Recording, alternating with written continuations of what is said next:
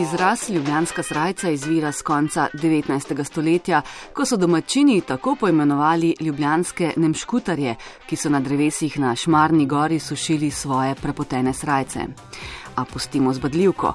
Krojači so svojo obrt v Ljubljani opravljali že v 14. stoletju, pravi magistrica zgodovine in kustosinja v Tehničkem muzeju Slovenije Estera Cerar. Prvi veri omenjajo pač krojaške obrti v 14. stoletju in pa uh, tako imenovane vatmangarje, to so bili obdelovalci sukna, uvoženega sukna, ki ga je bilo treba pred obdelavo še postrišti. Prvi krojači se pa omenja po imenu Primus Drs. Snyder iz eh, druge polovice 14. stoletja. V tem času se pa omenja tudi Krajaška bratovščina, ki dobi konec tega stoletja pravice ceha. Cehi so v bistvu pomenili uh, organizacijo, v kateri so določali vsa pravila, koliko cehovskih mojstrov sploh lahko ima neko mesto, koliko imajo lahko pomočnikov, koliko vajencev, določali so njihovo delovno dobo, delovni red, kdaj morajo začeti delati, kdaj grejo spat. In cehi so bili zelo urejeni na ta način, da recimo, če je toliko in toliko krijačev je lahko bilo v Ljubljani. Če je nekdo umrl, so ga je lahko nasledila vdova, oziroma če se ponovadi se je pol poročila s kom, ki je prevzel te pravice. Mi smo tudi to pravilo, da se lahko kopajo. Ne? Tudi to, ja. Pri krijačih je bilo uh, določeno, da imajo vsake 14 dni uh, kopalni dan in takrat so lahko zapustili delo prej in šli na kopanje, vendar so si mogli to plačati sami. Mojstri so jim bili pa dolžni plačati kopanje pred prazniki in to je bilo pred Binkošnjimi, pred Veliko nočjo in pred Božičem. Krojaški ceh je eden najstarejših. Najstarejši sploh pa je bil na slovenskem krznarski. In prav ti mojstri so imeli poleg čevljarjev največ dela. Samo mojstri, ženske so se obrtnikom pridružile šele v 20. stoletju. Bili so tudi klobučari, o katerih pa prav veliko ni znano izvažali so recimo platno, laneno platno, potem so izvažali klobuke. Recimo, klobučarje v 17. stoletju naj bi izvažali celo na Kreto svoje izdelke, potem so tudi izvažali platno in vrvi za jadra in za potrebe ladij. To je bilo tudi zelo znano. Druge stvari smo pa tudi uvažali, seveda.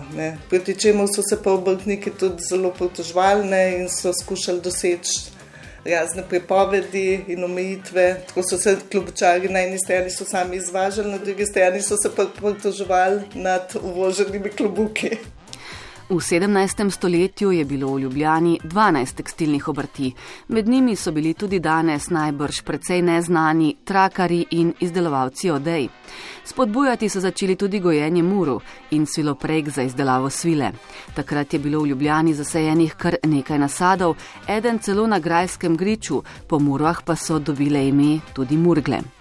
Na nekdanje ljubljanske tekstilne in oblačilne dejavnosti pa spominjajo tudi imena drugih ulic in mestnih predelov, pravi zgodovinarka Estera Cerar. Na kolezi naj bi bila uh, sušilnica Lanu in tam naj bi rekli temu predelu pritrilo, pač ker so trgli lan. Na nekdanje te ljubljanske tekstilne in oblačilne obrti nas spominjajo imena ulic, naprimer, ne, kjer so bile recimo delavnice obrtnike. Zanimivo je Božalski pot, tam so bile v glavnem eh, delavnice vrvarjev.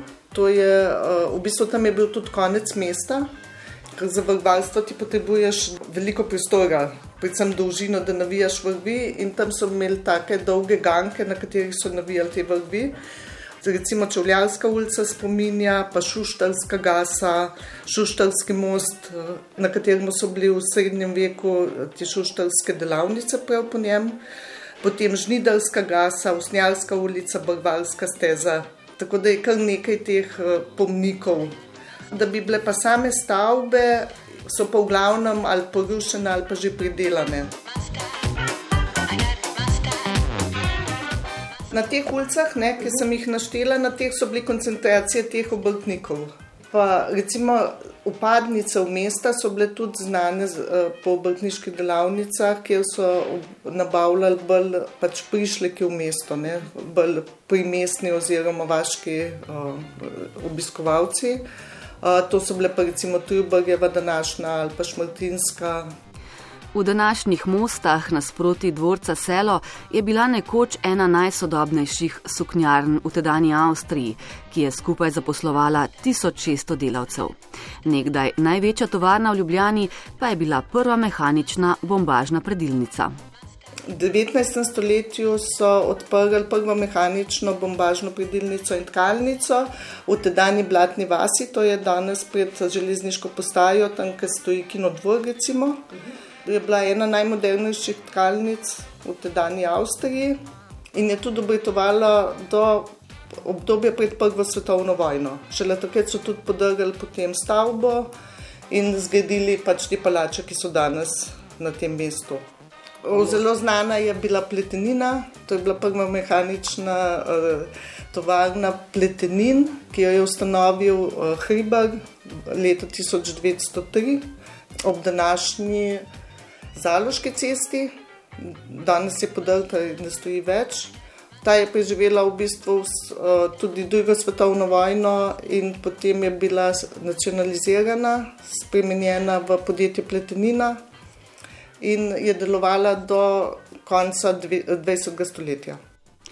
No, s tovarno dežnikov in nogavic, ki je prav tako ni več, pozneje so v njej izdelovali le nogavice, pa je povezana zgodba o nastanku pesmi na Golici.